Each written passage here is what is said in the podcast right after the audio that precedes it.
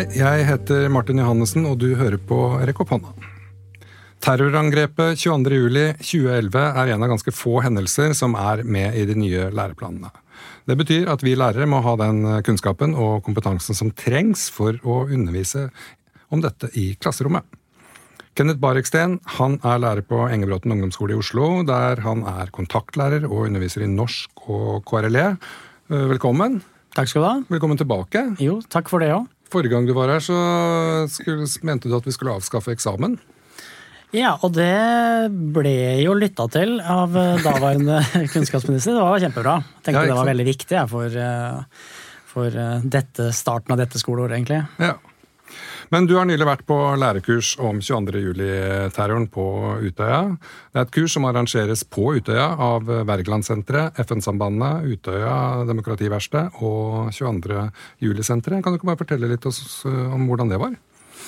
Jo, det var jo en, eh, en viss porsjon nerver, eh, uten at jeg kunne helt eh, plassere hvorfor jeg hadde nerver. Men jeg tror det handler om at eh, man har hørt så mye, lest så mye, sett så mye eh, om stedet. Mm. Så det å, å reise ut dit, det var liksom forbundet med mange bilder i hodet. Men det lærekurset det startet jo først på 22. Eh, nede i, i, sentrum her. Hvor man da eh, Hvor de har et par eh, utstillinger som tar for seg de hendelsene den dagen. Og en sånn utrolig Hva skal jeg si? En veldig nøyaktig, men også veldig sånn utspringende måte. Og en av de tingene beit meg merke i, var jo at de som er der, kan på en måte være med i fortellingen om 22. Eh, juli. Mm. Ved at man eh, kan dele noen sånne ord som kommer opp på en tavle. og ja, Jeg er sikker på Stine kan fortelle dette her litt bedre etterpå. men eh, Så dagen startet jo der, da. Mm. Og når man kommer ut på Utøya, som og det å ta ferja over med Torbjørn, som man kjenner så godt, mm så hadde jeg et lite sånn sug i brystet, og hadde en sånn følelse av at det lå noe mørkt hvilende over øya. Ja. Og så blir man litt overrasket over at alt er lyst, og det er, liksom nymalte hus. Og, ja. Så man går litt imot sine egne sånne forestillinger. Mm. Mm, men det å være der da med andre lærere og ta del i det arbeidet de gjør der, som i utgangspunktet handler om det å være en del av et demokrati, hvordan det må pleies og utvikles og sånn. Og hva slags betydning øya har hatt i historien. Eh, og skal ha videre i historien. At man reiser derfra med et sånn litt sånn fornya håp. Mm. Og litt sånn skyfri himmelaktig. Ja, Det er jo egentlig veldig fint at man eh, liksom, regner, liksom har en sånn reise inn til mørkets hjerte, og så kommer man ut og er liksom inspirert. Ja. ja. Men denne Stine det er altså Stine Furan, uh, eh, utdanna lærer og historiker. Hun er også da rådgiver og formidler ved 22. Uh, juli, 22. juli-senteret i Oslo. Jeg er altså en av arrangørene i dette lærerkurset. Velkommen til deg òg. Tusen takk. Men du, Nå har jo Kenneth sagt litt om hva man kan gjøre på 22. juli-senteret, men hva er det vi kan oppleve der? Ja, 22. juli-senteret er jo et eh, nasjonalt senter, skal være det i hvert fall, så godt vi kan. Eh, som er basert i regjeringskvartalet i Oslo. Eh, og på 22. juli-senteret, så for den øvrige befolkninga som kan komme på besøk i senteret, så har man muligheten til å se utstillinger. Og som Kenneth var inne på, at man faktisk har muligheten til å bidra inn i samtalen ved å sende inn sin, sin tanke da, på ei melding. Eller ved å legge igjen en hilsen i minnerommet eller gjesteboka vår. Mm. Eh, og så er det jo også arrangert eh, diverse panelsamtaler eller andre arrangement. da. Mm, ja, for jeg har sett det er jo stadig det skjer noe der, egentlig. Ja. Ja. Men dere hadde også et prosjekt jeg vet ikke om det fortsetter med det, som et vitneprosjekt? Ja, det er jo sånn jeg, skulle, jeg tenkte jeg skulle gå over litt på. For den øvrige befolkninga er jo også hjertelig velkommen inn til senteret, men for skoleklasser og elever så, så er det jo et litt annet tilbud. Eh, og vi oppfordrer jo alle til å på en måte booke hos oss da, hvis de har mm. lyst til å komme med klassen sin. Så der får jo de også selvfølgelig lov til å gå i utstillingene, og vi snakker om dem. dem, og det er jo ulike undervisningsopplegg vi tilbyr. da. Mm. Mens et av de undervisningsoppleggene er jo det her vitneprosjektet, som eh, vi har kalt det undervisningsopplegget heter Min historie personlige fortellinger fra og om 22. juli. Mm. Og der får elevene muligheten til å høre to personer eh, som er direkte berørt av 22. juli, fortelle om tida før og under og etterpå. Ja. Eh, Og det er ofte, det kan være en person fra regjeringskvartalet, en, en overlevende fra Utøya, det kan være etterlatte. Eh, Eller det kan være foreldre som har hatt barna sine på Utøya, som forteller eh, om hvordan det var. Eh, Men at barna også har kommet hjem, da. Ja. Nemlig, nå har, altså, Ti år siden nå. Men nå, det har jo kommet eh, filmer. Mm. TV-serier, eh, bøker. Det skrives artikler. Hva Jeg i hvert fall føler at det er så utrolig mye. Så jeg var litt liksom vondt for hvor, hvor skal jeg starte. Men hvordan er det vi egentlig skal undervise om 22. juli på en bra måte?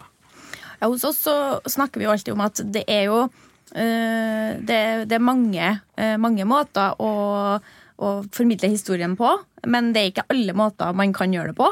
Eh, Så man, det vi liksom sier at det er lurt å starte med, er jo det her med realhistorien. At hvert fall man som lærer er trygg på at ok, jeg må først snakke om at det skjedde i regjeringskvartalet, det var åtte mennesker som ble drept. Og så skjedde det på Utøya, det var 69 som ble drept.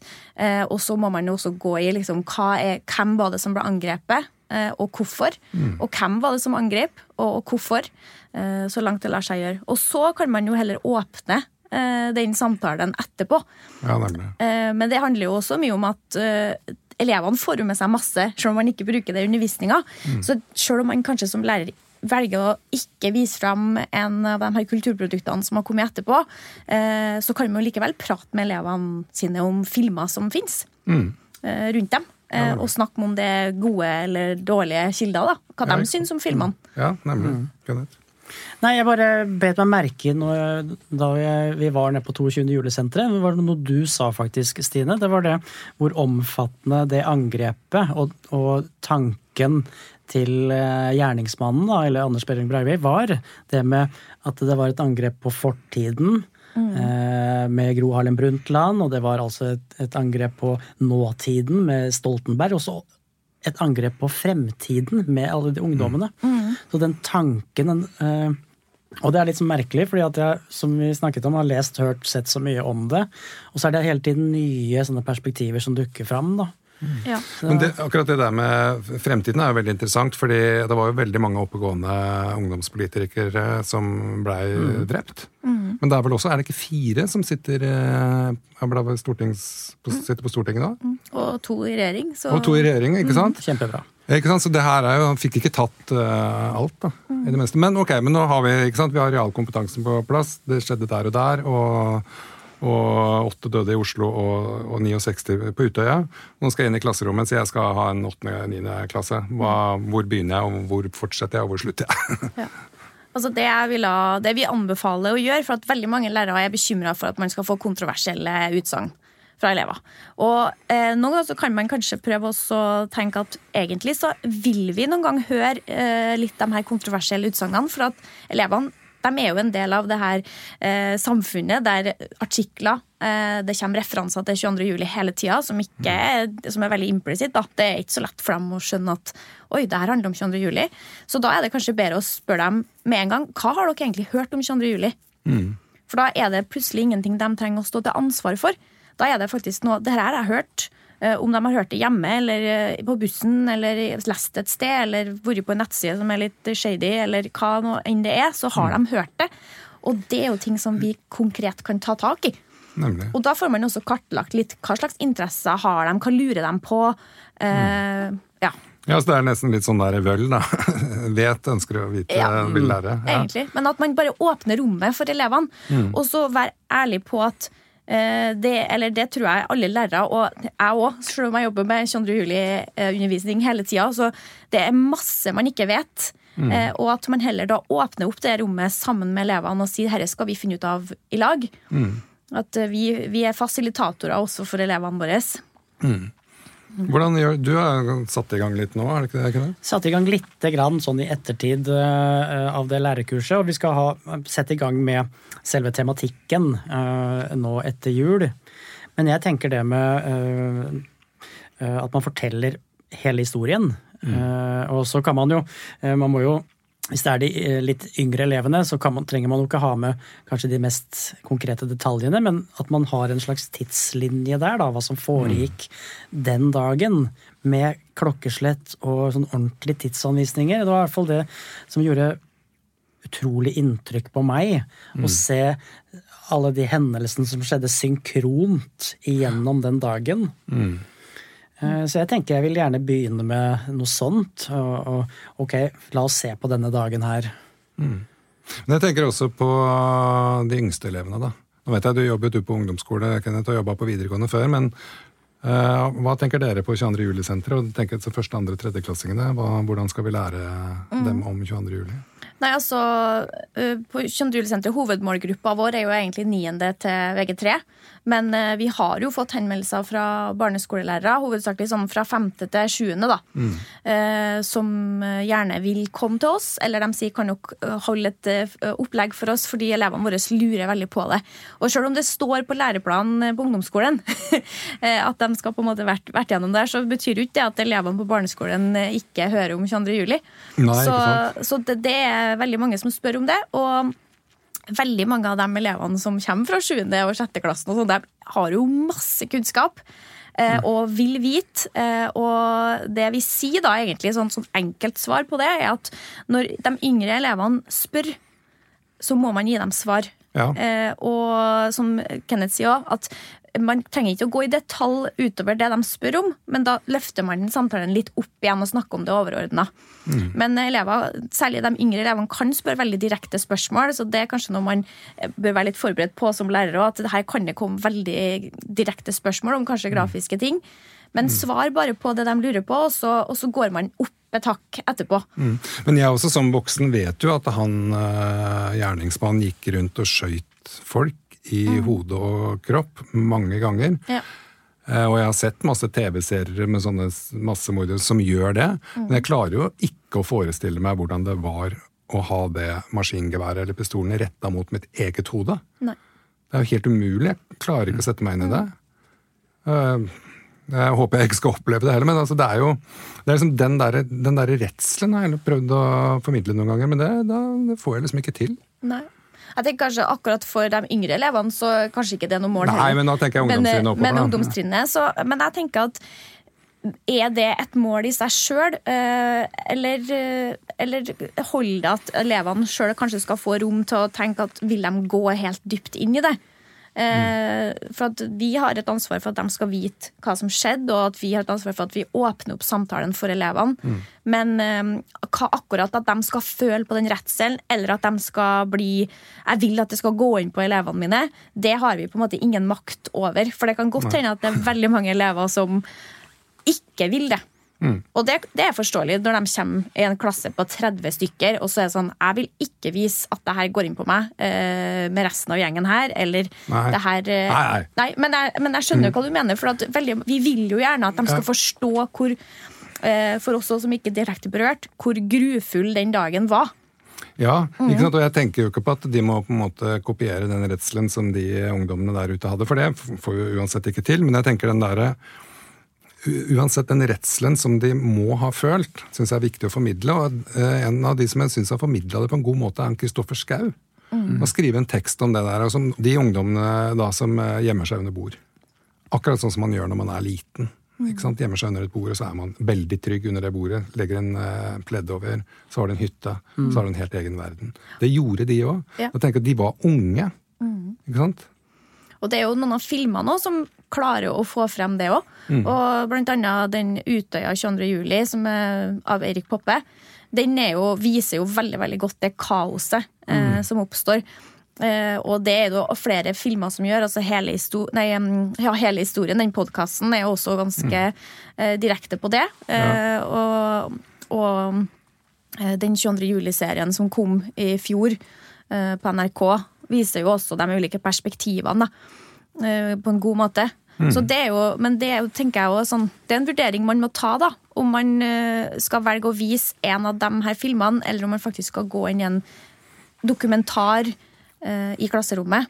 Mm. Uh, fordi at Hvis man velger å vise Utøya-filmen til Erik Poppe, så må man også jobbe ganske mye med uh, ideologi, det med fortid, nåtid, fremtid. Hvorfor regjeringskvartalet, Mm. hvorfor Utøya, hvorfor var Gro Harlem Brundtland et mål? Det er Mm. masse man må jobbe med utafor. Og så er jo spørsmålet blir det litt for brutalt for noen av elevene. Mm. Og det tenker jeg at det kan øh, bli, og at det må være greit. Ja.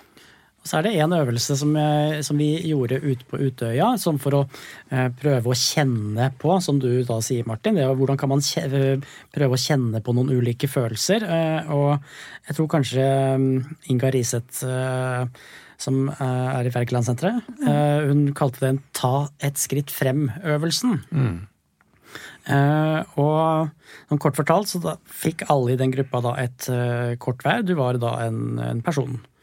Eh, jeg trakk da en eh, middelaldrende mann eh, som gikk på Nav, eh, som ikke hadde jobbet på noen år.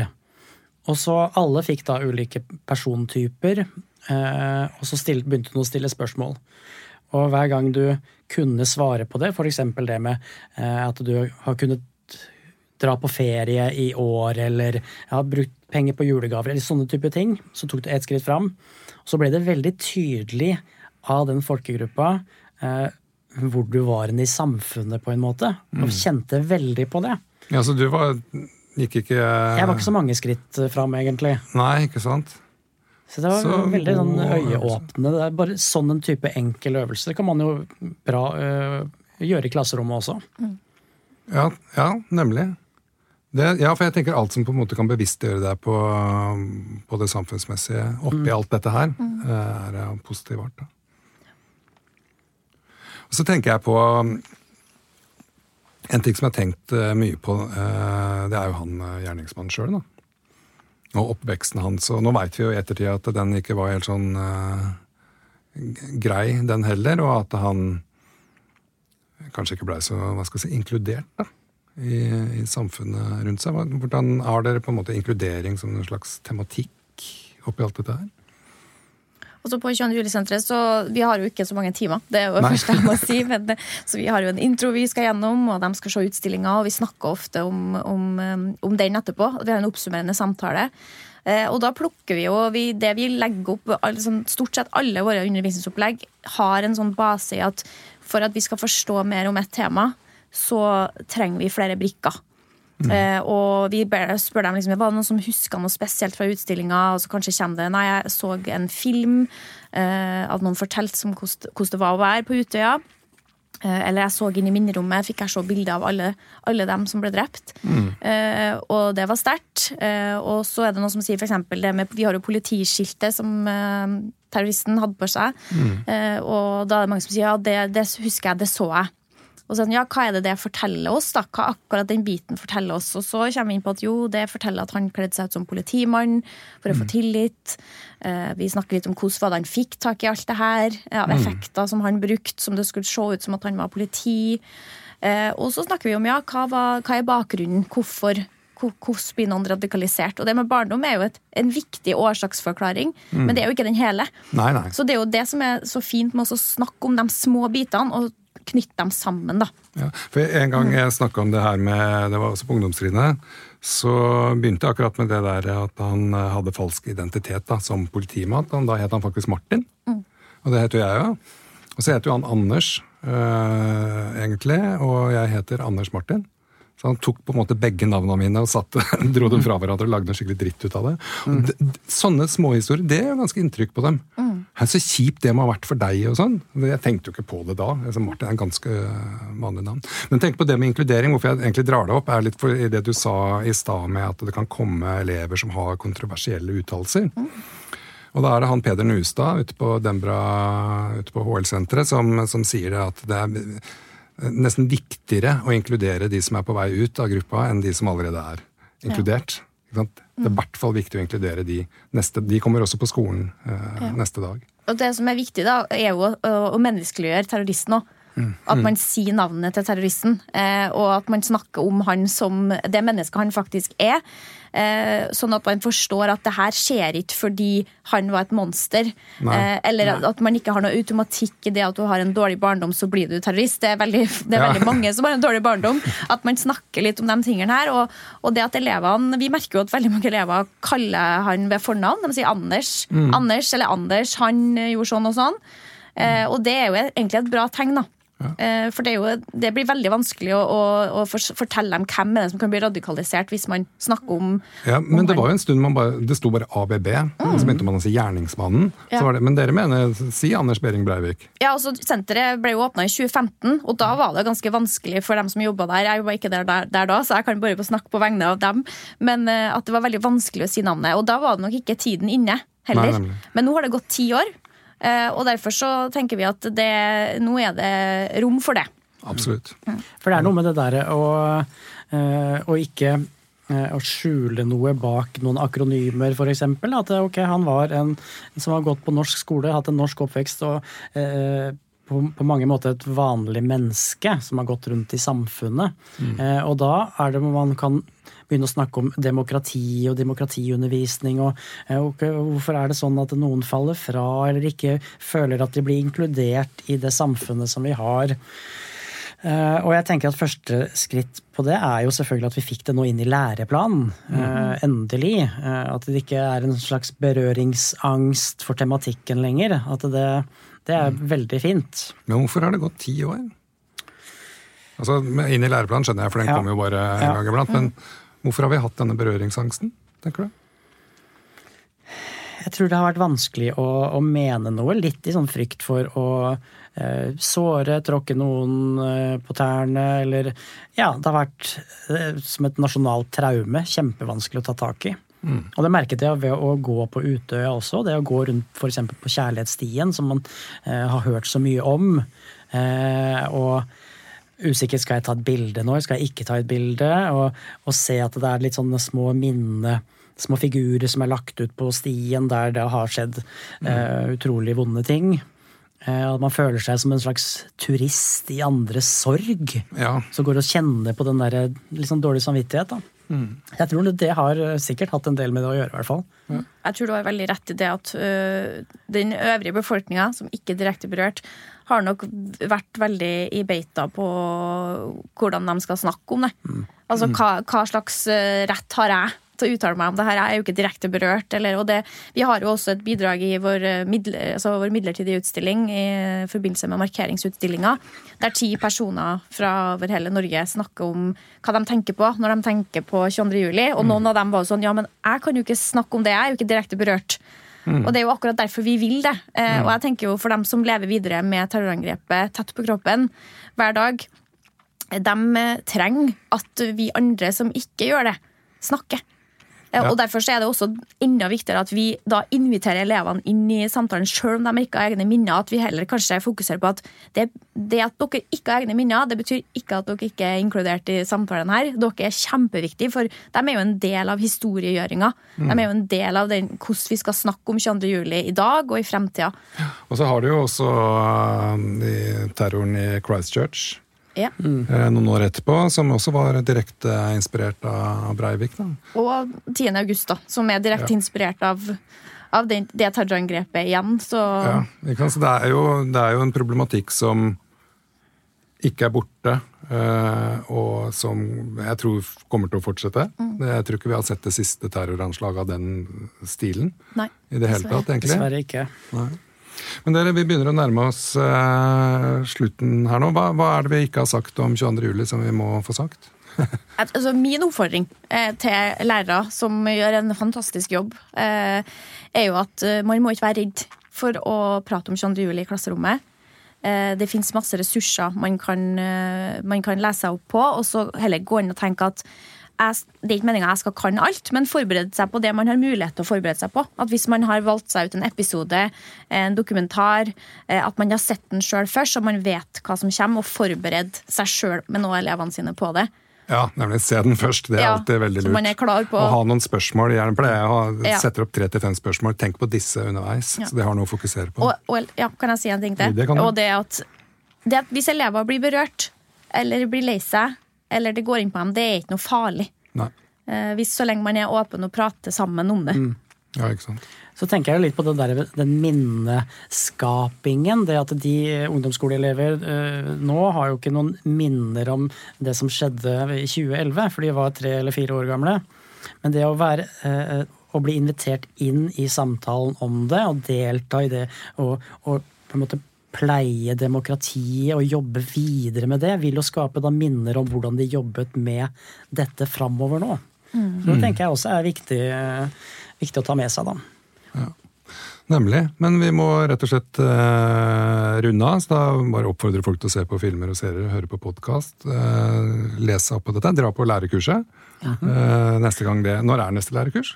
Vi håper det blir neste år. Neste år? Så det er én gang i året? Eh, ja, det, fall- det var første gangen nå. Det var første gangen nå, ja. ja. Men det er også mulighet til å ta kontakt med 22. juli-senteret hvis det er en skole som kjenner at vi trenger litt hjelp. eh, Så kan vi det, få det. ja, og det, det er nasjonalt og sånt, men eh, det ligger jo i Oslo. Hva, hva gjør man når man skal i Tromsø? Vi vil gjøre noe. Har de noe Vi kan, eh, vi kan, vi, noen ganger så kan vi komme. Ja. Vi er jo ikke så mange som jobber der.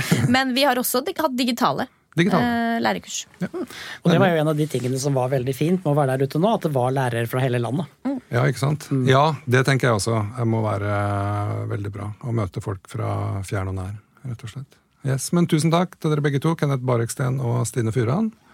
Takk. Og Takk. takk for at du hørte på Rekk opp hånda. Vi høres.